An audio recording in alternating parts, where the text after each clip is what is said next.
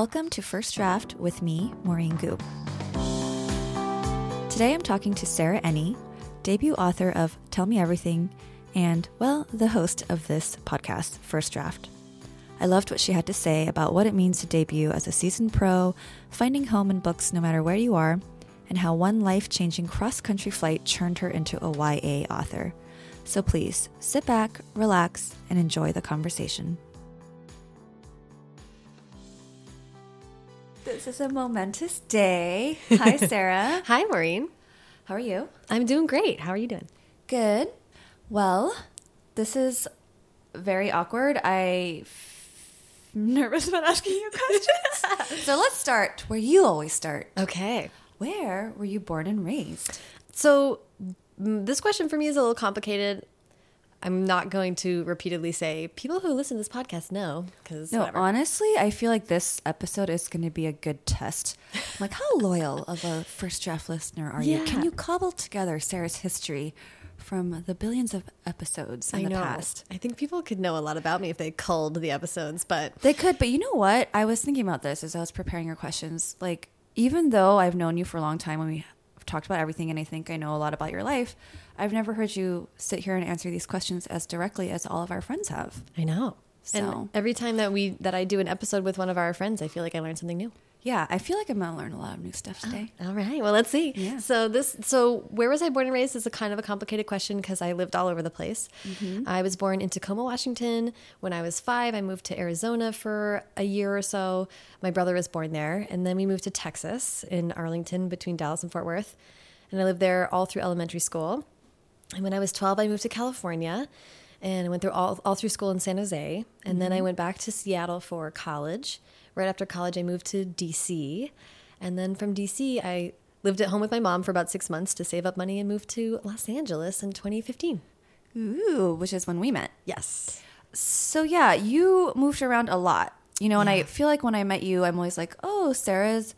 For some reason, I'm like, "You're so Seattle because you like football and you care about your Seattle team." So Yeah. I'm always like, "Sarah's from Seattle," and then I was like, "No, she's actually Northern California. That's why I bond with you. That's why you know you grew up with a lot of Asian girlfriends." It's true.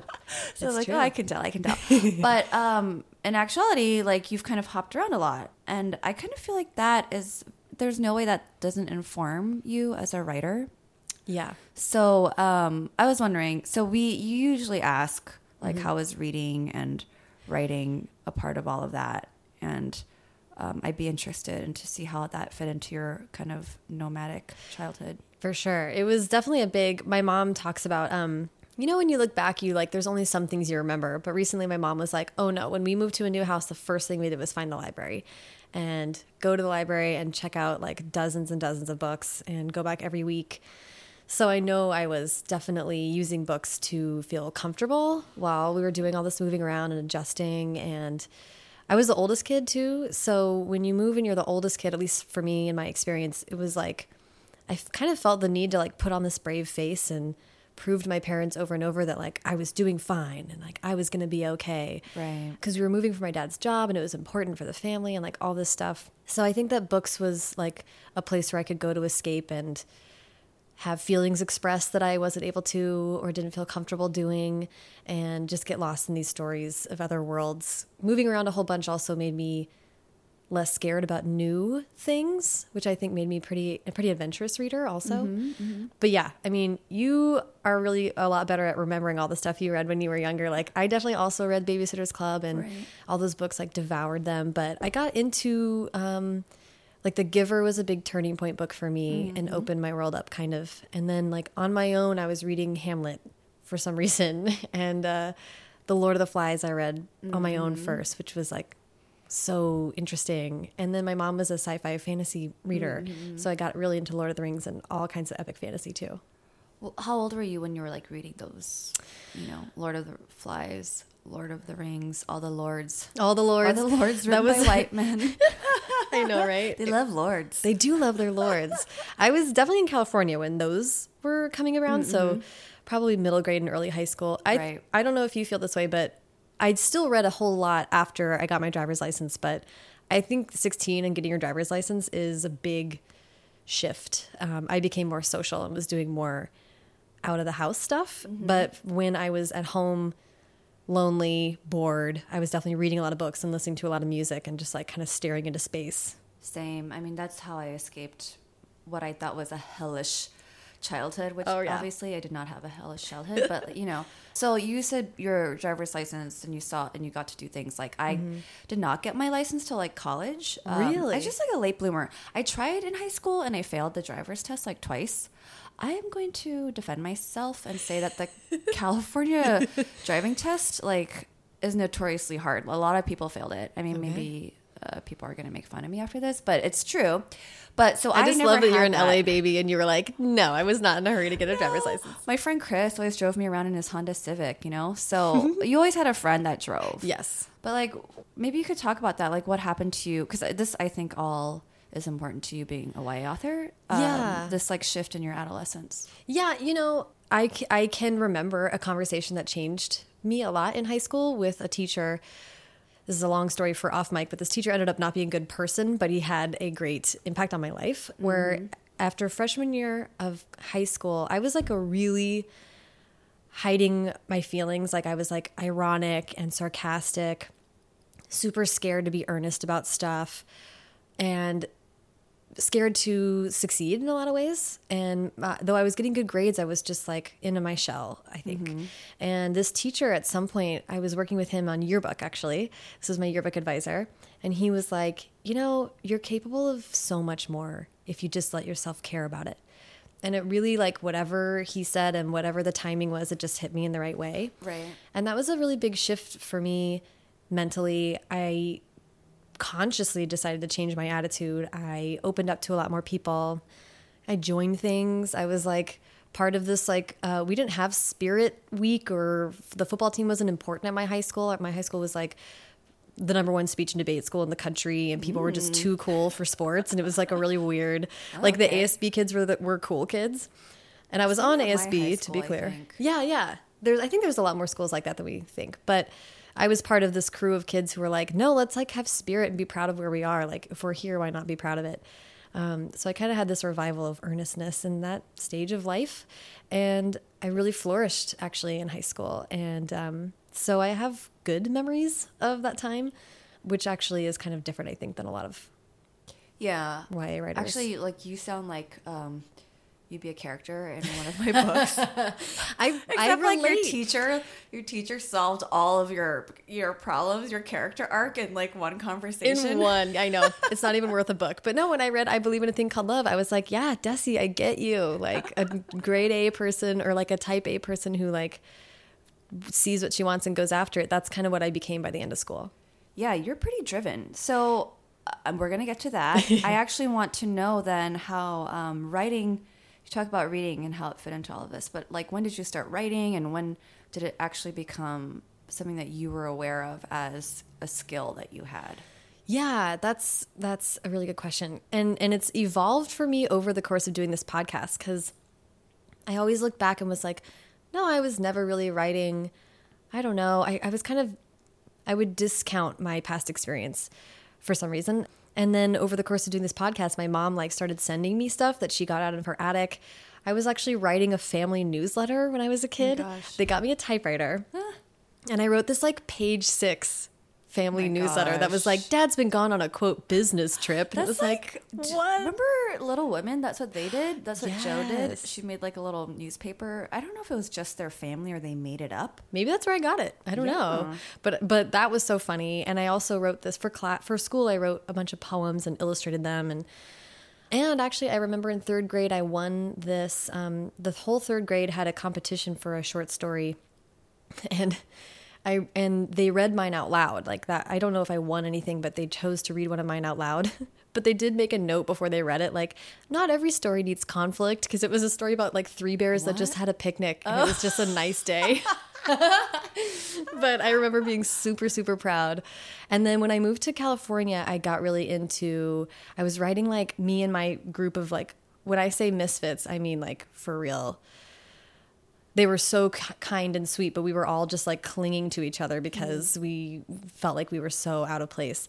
And I would write all of us being in high school on a ship, like Xenon, Girl of the Oh 21st gosh, that's Century. so funny. And it was just a way, and then I would share it with them, and it was a way to just like connect with them and to put ourselves out of the real world that we were in. Right.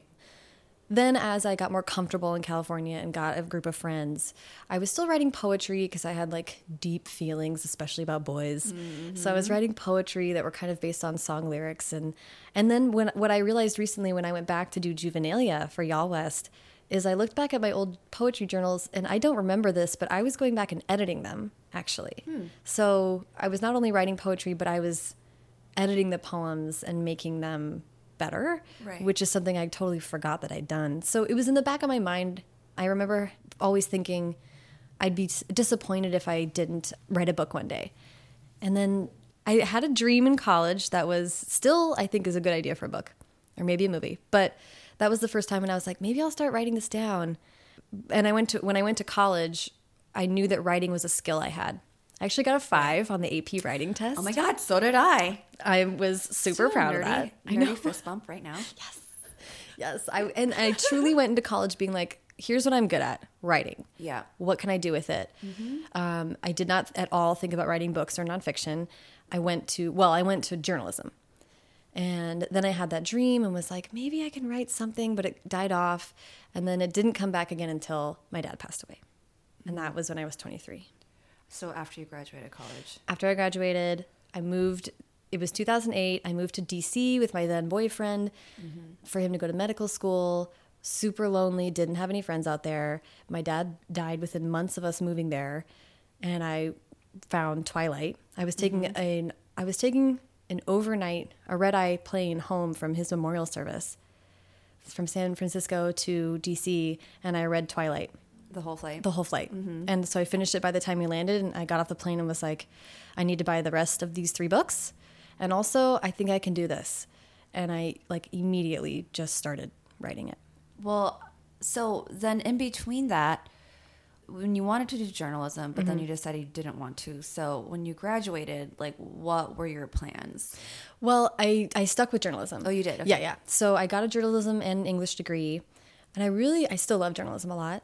I still want to write nonfiction in a journalistic way at some point. Mm-hmm. Like our friend Zan Romanoff is also a freelance writer. Yes, She's so, excellent. so good. She's such a talented writer. Mm-hmm. And some of the feature type stuff that she writes, I would love to Right. do stuff like that at some mm-hmm. point. But, and my, so my first job out of college was um, I had an internship at Seattle Metropolitan Magazine. I worked at Washington Business Journal for a while. Then I had a couple journalism jobs writing about nuclear waste and the legal industry. Uh, so that paid the bills for a long time uh, until I could just focus on writing full time.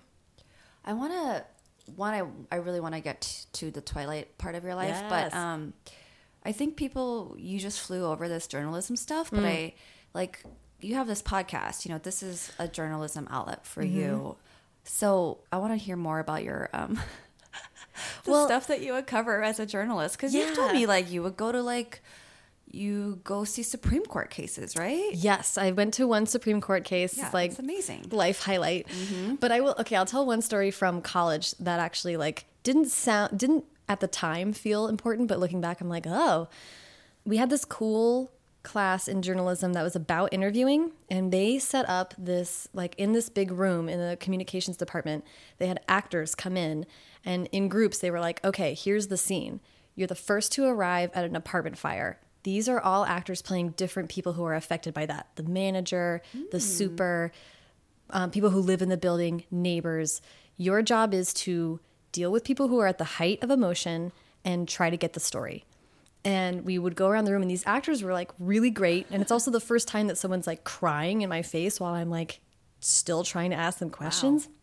It was super intense. But they had planted like there was a story to get to, right? So by the end of it, I, and I was intimidated at that journalism program. I, I had friends that were in that program and they were really talented. But by the end of the session, the woman running it turned to me and was like, You got the closest.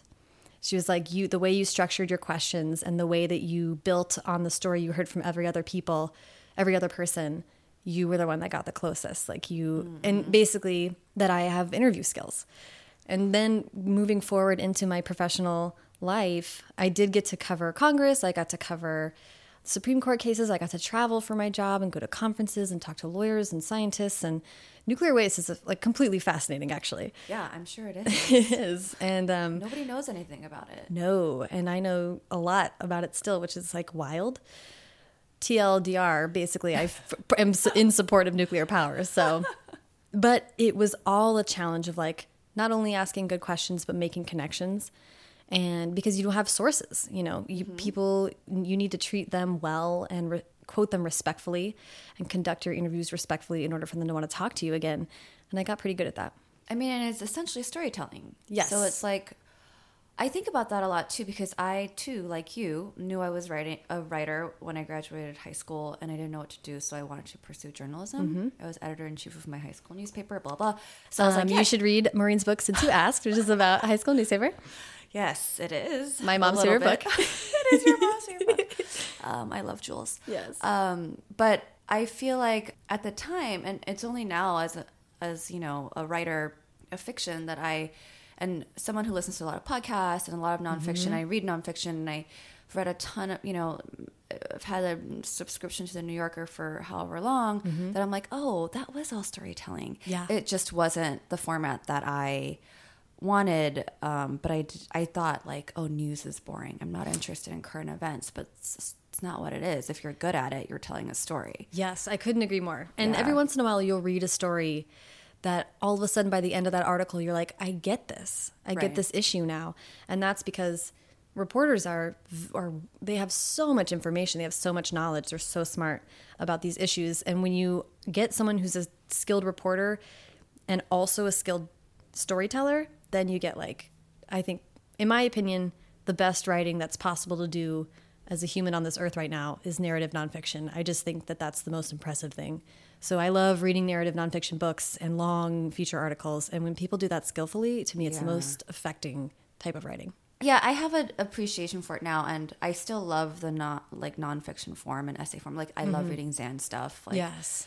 so i want to put a pin on that because that goes into other things you might be interested in but Well, we last gotta- last thing I would do want to say about that, just for people listening who are like maybe newer writers, is that journalism is such a good thing too. When you find an article that reads like fiction but it's nonfiction, notice how they set the scene. Mm-hmm. You and I have been talking lately about contemporary writers and setting and Right. an immersive mm-hmm. feeling while you're reading books. I think that's what I learned from journalism is is context is everything, and your characters just being two talking heads in a scene with no context or smells or feelings or Right. textures is boring. Mm-hmm. And really good nonfiction writers completely put you in the room. right because they're observing and they're putting all and we i think as fiction writers some people obviously a lot of people do this well but i include myself like you forget to mm-hmm. fill in those details you know four books in that is what i'm learning like oh yeah i've got to describe stuff a little more Well, it's, it's sometimes I think some people write contemporary thinking it's going to be easier because you can make assumptions. Like Right. everyone lives in this world, so we don't mm-hmm. have to.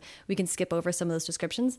And I would argue everyone sees our same our world in different ways. Like mm-hmm. the things you notice aren't what other people notice, and um, and the details that you would bring to a scene, or when you imagine someone's beach house, what does that mean? You know, it's different for everyone in their own mind. Right. So guiding the reader a little bit goes a long way. Yeah, totally agree. Um, I'm glad you mentioned that. But I want to backtrack to when you realized you wanted to write YA when you read Twilight, and it's very interesting you brought that up because Twilight was not the not the book for me, but like it was one of the books when I read. it, I was like, this is achievable, which is not an insult to Twilight. Um, No. it was just kind of like I think it you realize like oh this the simple story of a girl who feels like an outsider and then finds a way Mm-hmm. to find her own you know family or group of people that's essentially what that you know it's about Totally. love and vampires whatever but like that's what it is and Yeah. you're like oh yeah and you can do it in so many different ways like Mm-hmm. a vampire story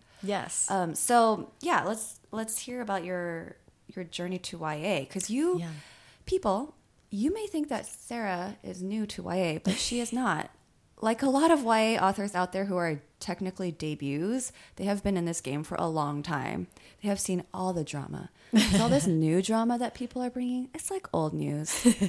That's Um, true. Sarah's seen a lot of drama through her YA journey. So let's talk about your YA journey. Yeah, yeah. Well, that's an awesome way to start. Um, yeah, the Twilight was, I think it was just before the movie came out and it, it was blowing up. Like it had been out for a while, but it was really blowing up. So I was in the situation of having this red eye flight and literally in my bag, I had the biography of Andrew Jackson by, what's his name? Anyway, American Lion. And I was like, it's so, you know, I don't want to be like maudlin on this, but like it was also the book that I had gotten my dad for Christmas and then he died. So it was the only book in my bag. And I was like, Yeah.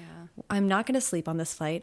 What am I going to read this book? Like, no. So I was in like the Hudson News or whatever. And I saw Twilight and I was like, why don't I just do myself a kindness and buy this mass market? In, Like, let's see what this is about. And then by the end of the flight, I was at baggage claim waiting for my bag. And this woman came over and was like, it was good, wasn't it?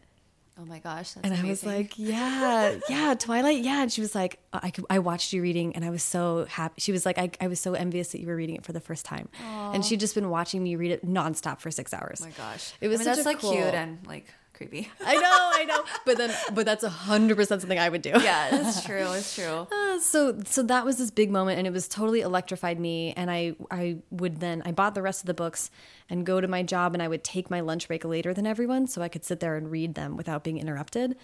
And it just I did was that too. Oh Yes. God. It was such a necessary escape for me at that time in my life and the writing you know, we can argue about the quality of the writing, but the storytelling was amazing. And I was completely absorbed and I cared. And that's all that you can really ask of a reader. And I then went on and was like, what's going on in this sphere? What's happening with this? Because I was sort of ready to rediscover books after having like an English degree sort of beat some love out of me a little bit. Hmm. And then I read The Hunger Games. I read uh, Jandy Nelson, The Sky is Everywhere, which is was and is remains one of my favorite books ever. It just tore me apart. And a bunch of other incredible Sara Zarr. I read so many books that just completely opened me up to this new world, and it, and it, and I couldn't read enough. I was just back to those middle school, early high school days of just devouring books, and it felt so good. And it felt like, okay, this is a place where I can find people of like mind, I think.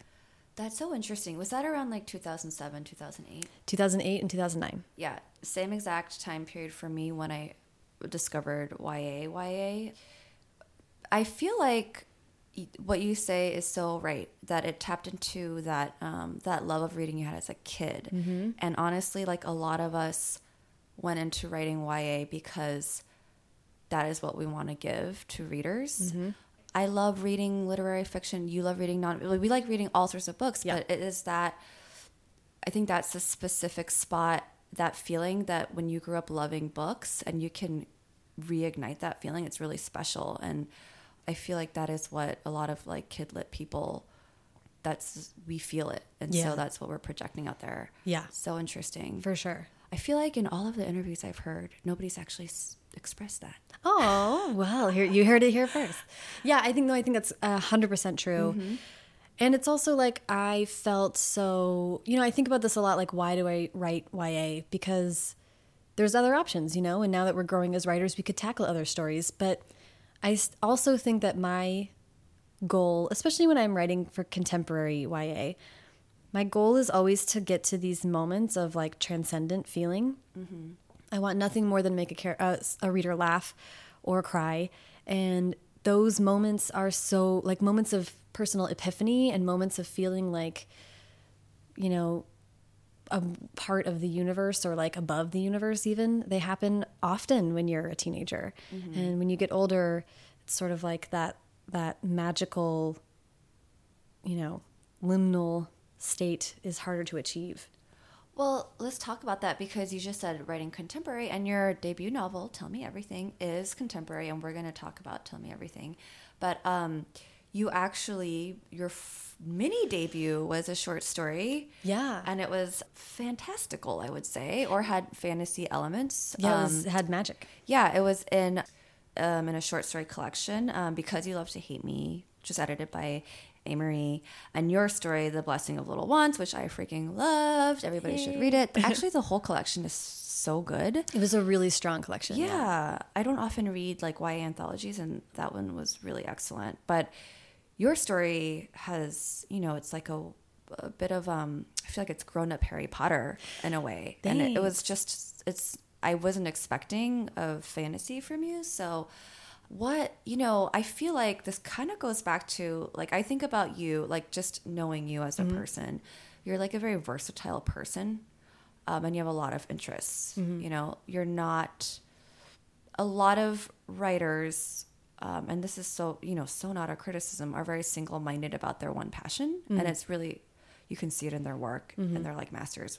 But i feel like you and i are kind of different we have a lot of things we like to do and we think we're pretty good at We do have a lot of things we think we're good at. yeah we're like we're good at this i mean honestly i don't think i think writing is my number one skill Agreed. that's why i do it Agreed. with such confidence um, but yeah so i think like for you the versatility is there in your ability to jump between genres and you're not even you know you're working on other contemporary right now Yeah. but you're also working on other stuff I which you can't talk about I but can't. you are um, so do you want to talk a little bit about that and like genre hopping and like Yeah. No, and, and I, I thank you so much for the compliment. And you, the reason the short story is in the shape that it got to be in is because you were so helpful as a beta reader for it. So I barely it that. was it was really good But it was funny to have that um, opportunity to write in that series because Ameriie sent our little prompts. The way the anthology worked was every writer got sort of three prompts to choose between, and they were, it was supposed to be a villain. So automatically, there's some genre element to okay, you're writing about a villain. And she sent me this one prompt that was like sort of about Voldemort, I think, in a vague way. And it just like this world like totally leaped into my head. And I was writing it while I was listening to the Interstellar soundtrack, which is mm, like I can see that. so good, Yeah. so good and dark and weird. Yeah. And I would say Tahereh Mafi talks about how much she loves reading contemporary and that she felt she had to write fantasy until she got good enough to write contemporary. Hmm. And I love that about, I, I think that's so interesting. And I kind of think I'm doing it the other way because I you love, love fantasy. fantasy. you love reading it grew up with it. Uh, that's like definitely my comfort literature. And I would say that I, my first book out of the gate that I wrote in 2009 that is horrible and will never see the light of day was a like time travel, like weird fantasy genre hopping thing.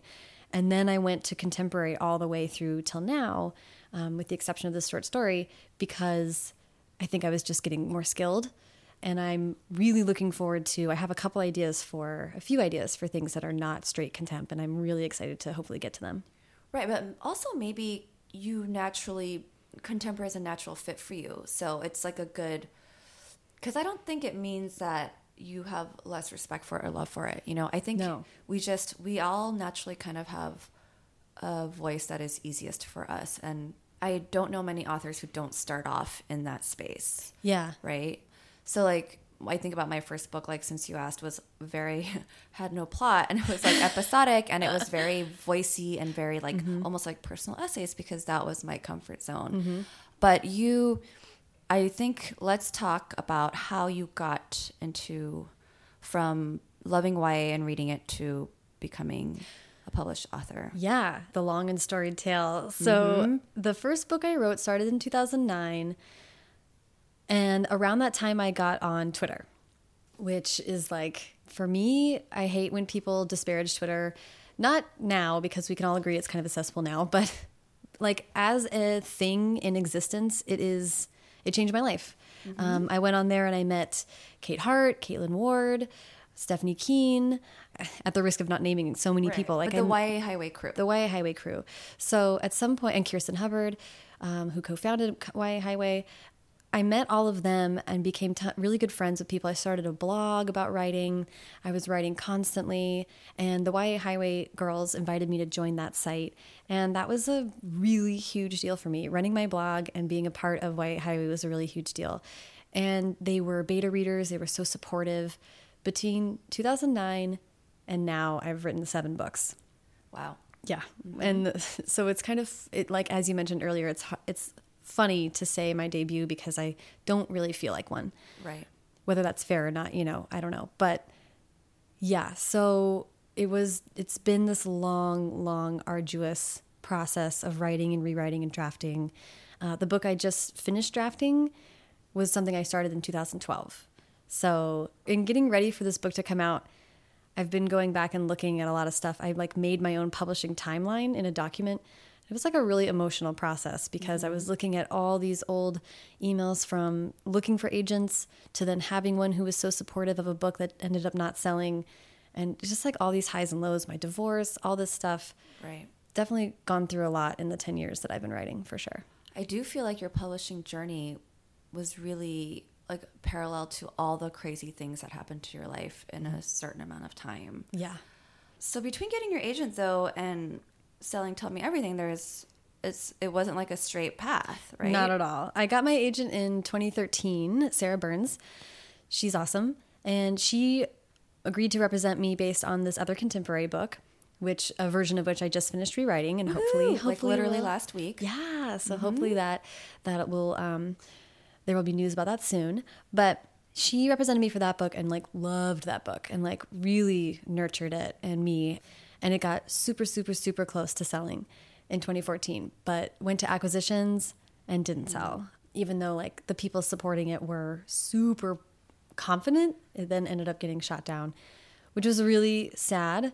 That happened in like march 2014 and mm-hmm. i split up with my husband in may 2014 mm. so it was pretty quick. Uh-huh. And that is when and may 2014 was also when i got the idea for first draft. And i spent june planning it and then i started first draft in july while i was on a road trip leaving dc leaving my marriage and driving across the country down the southern way and then back up to seattle. So i did all a bunch of the first interviews were on that road trip ended in seattle. In seattle i wrote a whole other book saved up money and then moved to la six months later. How long was your road trip and how many people did you interview? Two months long, Oh 6,600 something miles, Oh and I think like 45 or so interviews. Holy crap. Yeah, You kind of did something similar though recently. I did. Yeah. I did. In June, I did an East Coast trip where I interviewed like 28 authors in one month. Right. Oh my gosh. Really wild. yeah. You're nuts. I am. Good nuts. But um yeah, I mean I I think this the podcast, I want to talk about the podcast too. Like I think the podcast is part of the reason why I don't consider you a debut author either. Like at this point, you know how the sausage is made. You are not a starry-eyed debut, you know. You you are very pragmatic, I think, going into this. You know, Yeah. you obviously have like hopes and dreams like everybody else, but like I think that you have a very unique position, you know, as someone who's interviewed You've had how many interviews now? When this comes out, there will be around like 175 or 180 Yeah, interviews So you've talked out. to like 180 authors, right? You've heard about every iteration of this journey and all of our failures and disappointments, Yeah. right? And then like all the good things that have happened and mm-hmm. everybody's creative processes. So, how do you feel about your debut? it's been here's the thing that I will say about myself. I think I'm lucky in that I don't have to learn the hard way by doing things on my own. I'm actually pretty good at learning from other people's stories. Mm-hmm. And that's something that that's served me really well. So in in going into this book, which by the way I didn't finish answering your last question, but after starting the podcast and moving to LA, I, I signed the contract to write Tell Me Everything in May 2016. Mm-hmm. And it was based on a kernel of an idea that my editor had that I fleshed out and wrote. So it's an IP project, but it definitely is mine. I signed the contract for that in May 2016, and it's out now in February of 2019. Yeah, it felt So- like a long journey just witnessing it. And by the way, it's been published by Scholastic. It is. And my um, editor, Amanda Maciel, is so wonderful. And I've had a great experience with them. But it also isn't perfect, right? No debut experience is perfect. It is not like this big, splashy, six figure fantasy, you know, Yeah. series type of debut. But ultimately, from knowing so many authors and from hearing their experiences and from really listening to them, I had my panic attacks over the summer, so I got mm-hmm. that out of the way. I've been seeing a therapist, so I got that out of the way. And I wrote another book mm-hmm. and finished it before my book came out. And have a couple other projects that are in the work. And over the last year, I started doing improv. Right. which has mm-hmm. been like a total brain saver because it's just not even related to our industry at all. Right. Yet, I think it is, it nourishes and works that muscle too. It makes you a better storyteller, which I it does. I want. Well, do you want to talk about improv now? Well, we can let's finish this question then yes. Yeah, yeah. Yeah, totally. Look Um, how I'm still deferring to Sarah. Like you're in charge of this interview. I don't know. oh, that's so funny. But yeah, that so so I would say that de- the debut experience has been made better, and I've been able to set realistic expectations, not be as flustered by mm-hmm. unexpected things coming up. Right. And I think, yeah, I was just better able to contextualize and set correct expectations for myself over this experience. So I do not expect for it to come out and like everything on the planet to stop and everyone to throw confetti. Right, but they better. Just saying, everybody who listens to this podcast better buy the book. I love you for saying that. um, but but I honestly am so grateful to my friends for talking me through it, for being really rational, reasonable, supportive people, um, and helping me have a really just completely satisfying debut experience. You know what I mean? Yeah, I mean, I think you are probably the most functional debut to have entered YA.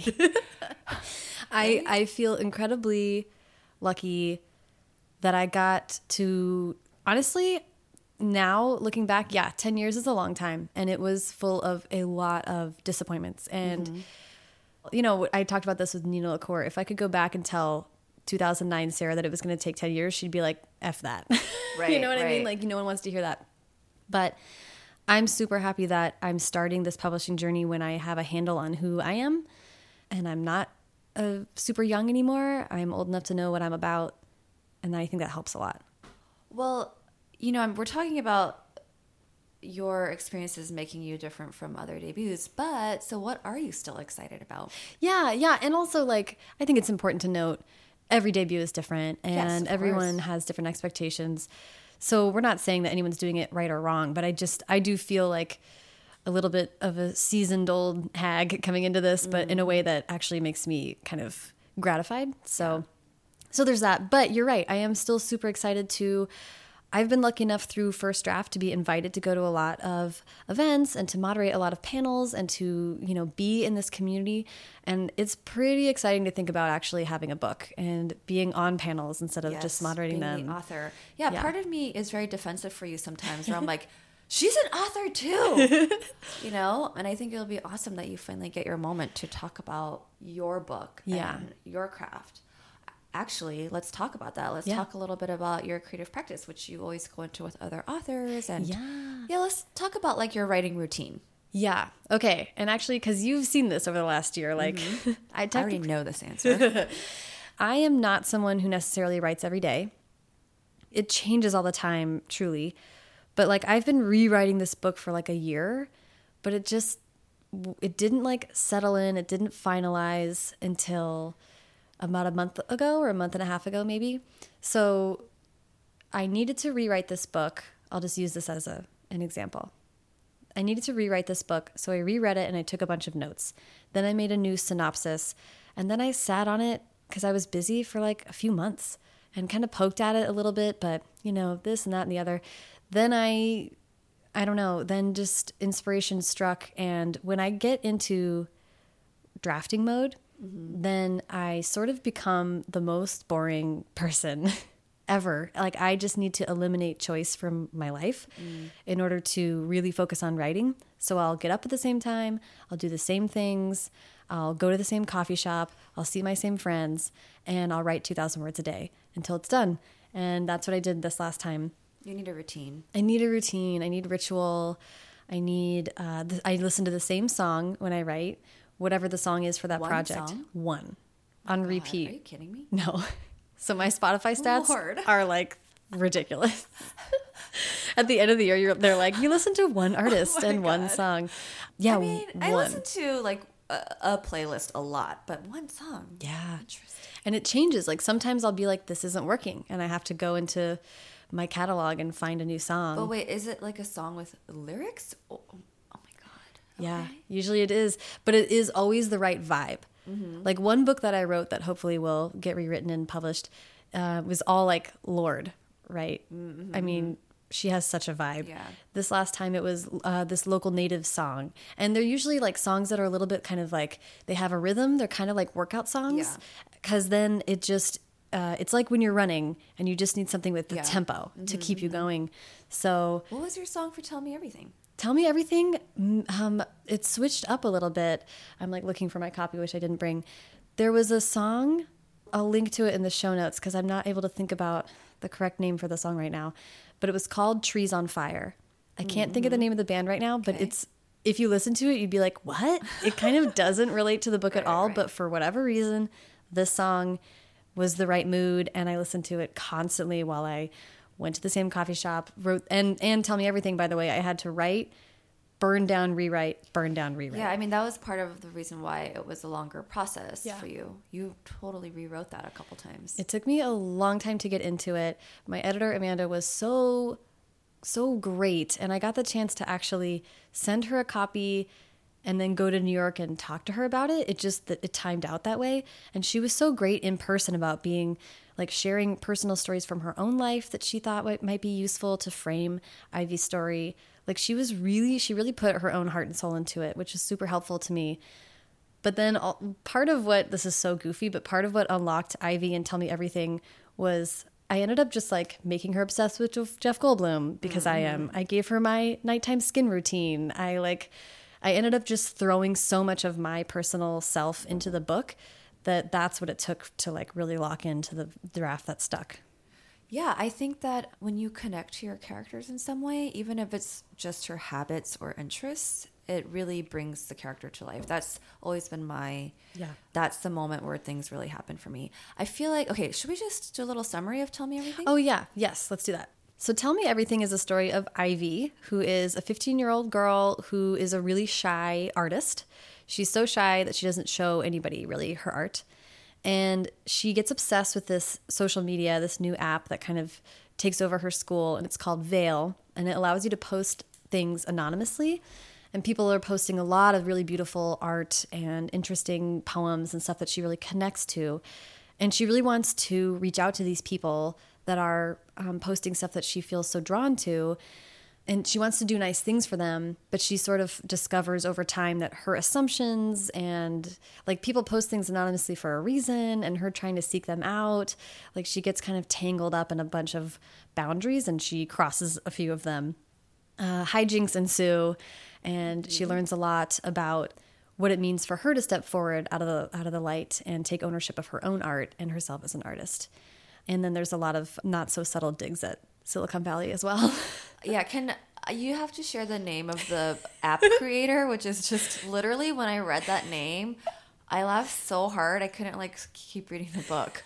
that makes me really happy. The guy who created Veil in my book, his name is Rake Bermkazerg.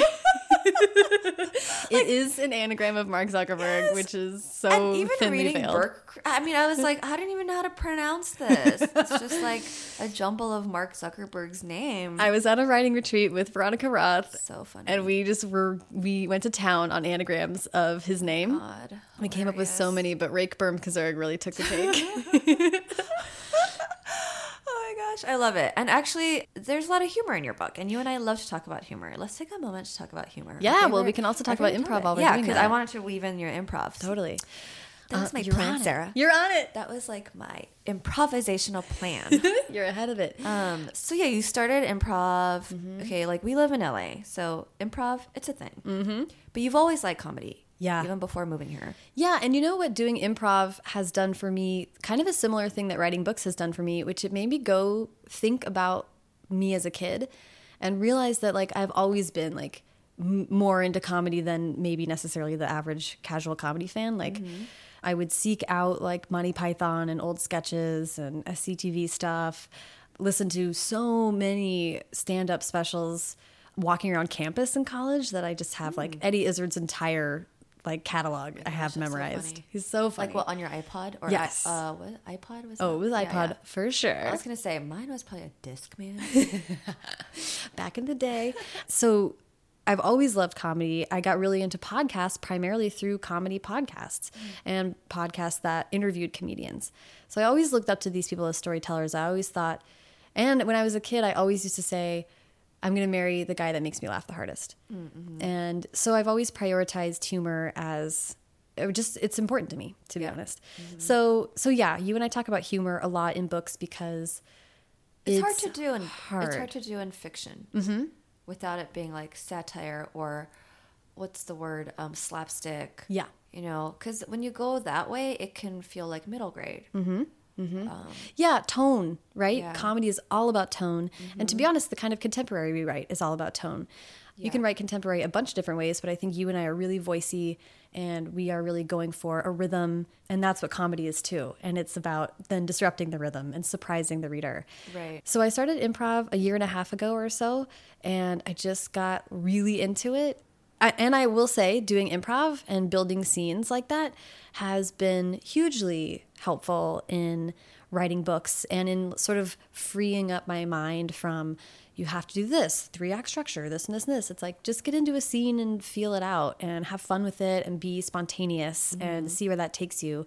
And a lot of structure stuff and character stuff and detail that's all about uh, in comedy the specific is universal Yeah. and that's that goes back to what we were saying about when you're writing contemporary just throw in as many details like Yeah. that makes the reader really feel like they're there and they'll relate to it more even if it feels to you like it's so specific that no one else could get it it'll make your I reader that's, connect That's like our equivalent of like world building, I think. totally uh, making it feel real. How do you think that the improv has changed you as a writer? And this, you know, when you compare your writing process for "Tell Me Everything" to um, this new project that is not not yet named. Uh-huh. Yeah, you know, that's such a good question. I honestly think, yeah, I think it has made it, I think it made it easier for me. And I think it made me less hard on myself when I slipped up or when things weren't going the way. And I'll tell you what, something I did for this project that I just rewrote that I've never done before was I did a scene by scene, I wrote a synopsis, and then I wrote a scene by scene breakdown. And then I did a scene by scene breakdown and I mapped the relationships. There was like five main relationships in my book. So the main character to her mom, the main character to her best friend, to her other best friend, to her love interest. Mm-hmm. And every scene I went and tracked like what's happening in these in all of these relationships Yeah. in this one scene. Mm-hmm. And I think improv just has made me realize like it's all about the connections. It's about the two people in that scene. Never have it be about someone off screen.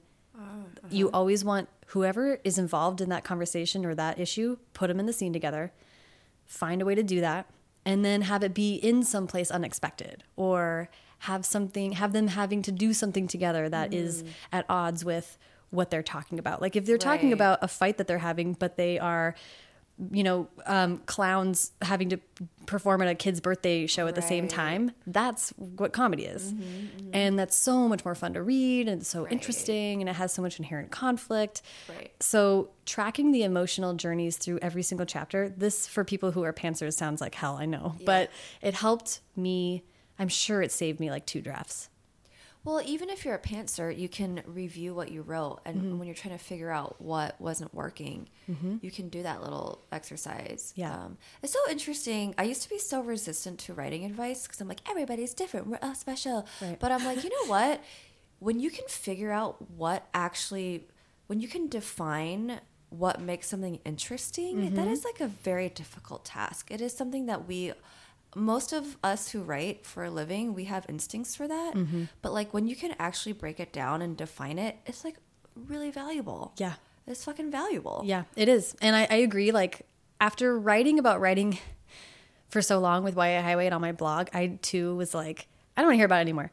Right, right. And I think that's part of what improv did for me was uh, let me talk about writing and storytelling indirectly, and uh, and it has brought me back around to being like, oh, you know, it is important to be thoughtful about this stuff, Right. And to be able to identify what we're talking about when we are talking about really good stories and absorbing stories, right? I think you and I care a lot about having people not be able to put our books down. yeah. I mean, Not that nobody, you know, whatever. right. I'm like, I'm not going to win the Nobel Prize here, so might as well make a fun book. Exactly. Well, you never know. okay, you This is a question inspired by the fine film Never Been Kissed. Do you remember when she when she's a when she's undercover and she goes to the table of like popular girls and she asks, "What are your hopes and dreams?"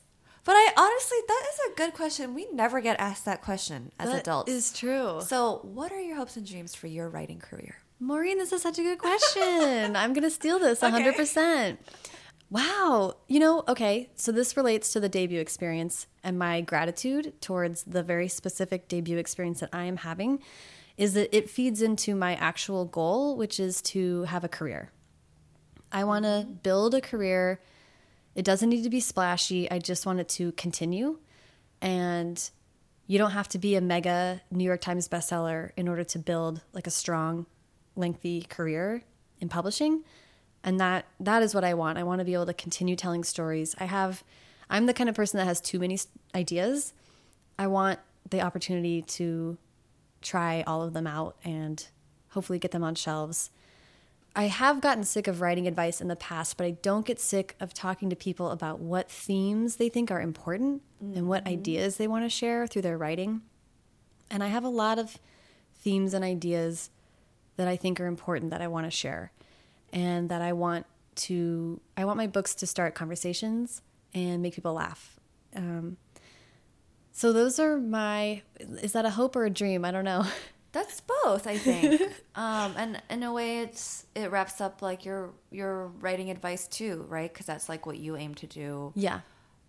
yeah, I think if you're stuck in a book, I would look at the emotions, the emotional arc of your character, and whether you've really pinned that down. And I would also look at like, what are you trying to say?